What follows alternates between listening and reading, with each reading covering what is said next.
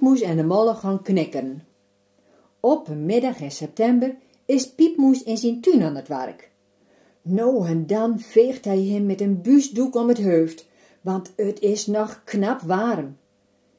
Ik heb het nog trokken als dof, mompelt Piepmoes in hemzelf. Morgen kan ik wel weer een stok in doen. Waar heb je het over? hoort hij een achter hem. Tegen wie praat hij eigenlijk? Ik zie geen ine. Op het pad in achter Piepmoes staat de molle. Dat is de buurman van Piepmoes. Hé, hey, molle, zegt Piepmoes. Gezellig dat je hem langskomt. Ik wil krek opholen, zeg ik tegen mezelf. Het werk loopt de wereld niet uit en morgen is er weer een dag. Zo is het, vindt de molle ook. Laat de boel de boel maar. Want ik heb nog aan een pot in knikkeren. Doe je met? Piepmoes steekt de doemen omhoog.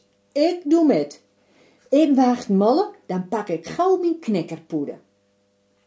Even later lopen de beide buren, elk met een dikke poeder in de hand, door de bos.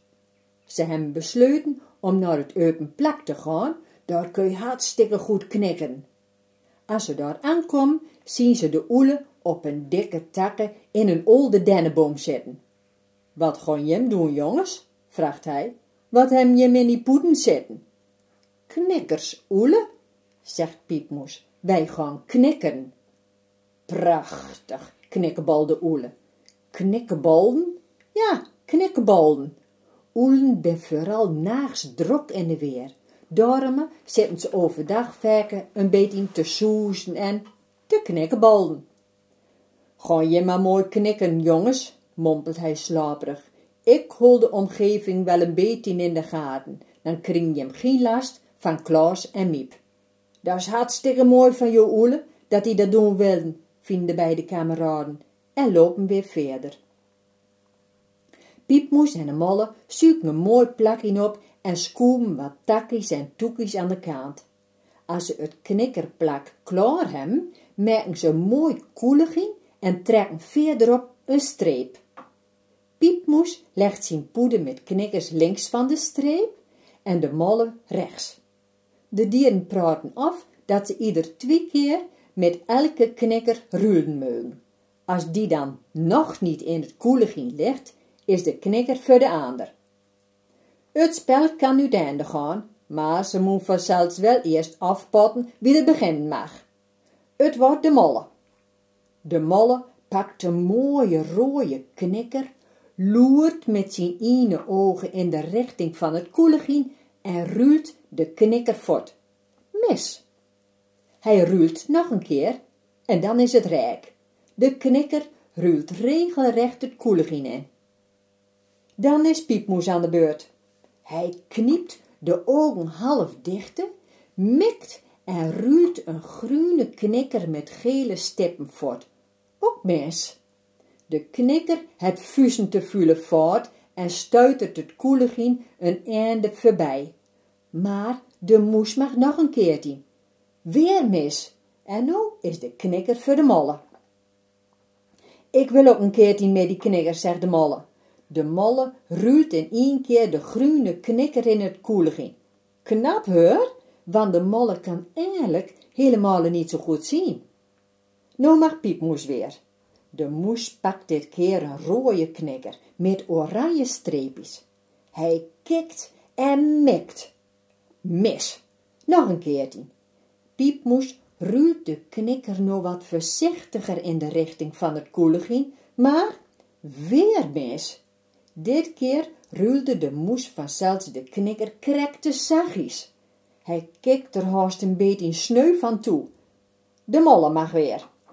Piepmoes pakt een tiet zijn poeder met knikkers om, daar een nieuwe knikker te zoeken.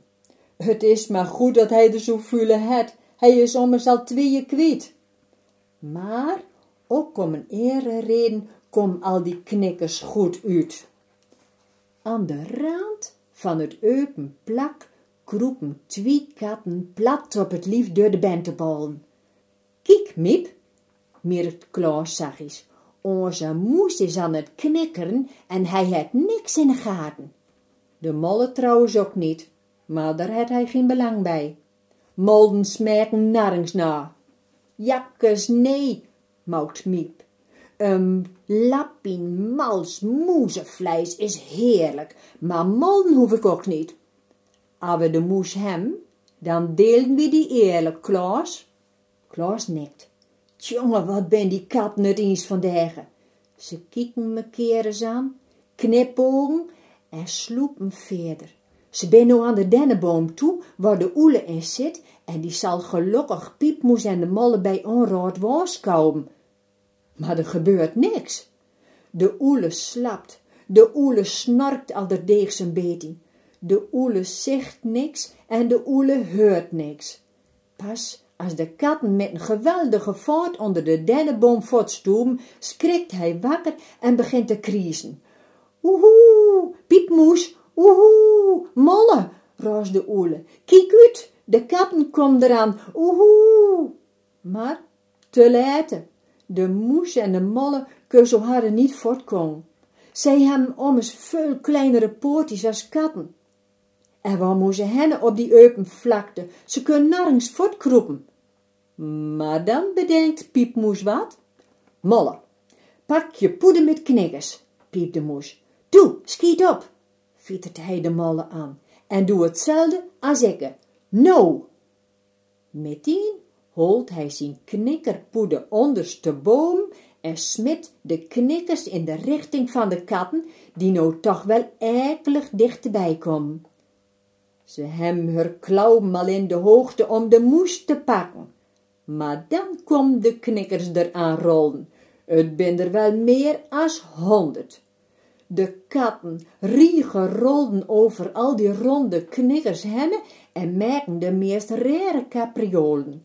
Het ben alle gere kleurige knikkers en zwarte en witte kattenpoorten en kattenstaarten. En jammeren en te te keer gaan dat Klaas en Miep doen, ik je hem vertellen? Jonge, jonge, jongen, nog aan toe. Die ekelige moes, brobbert Klaas al voeterende en spijt een flutte zand en de groene knikker met de gele stippen uit zijn bek.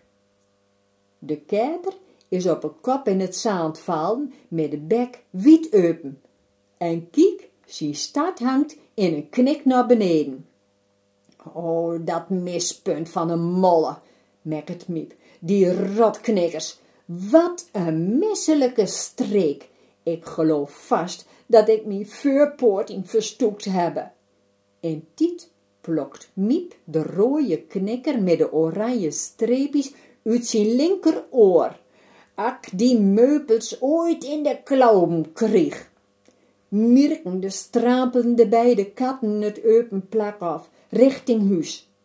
Klaas, zijn stad, hangt in een bocht en Miep hinkepinkt met een zeer vuurpoortien achter hem aan. Piepmoes en de molle binnen tiet aardig van de schrik bekom en zoeken even later de knikkers weer op.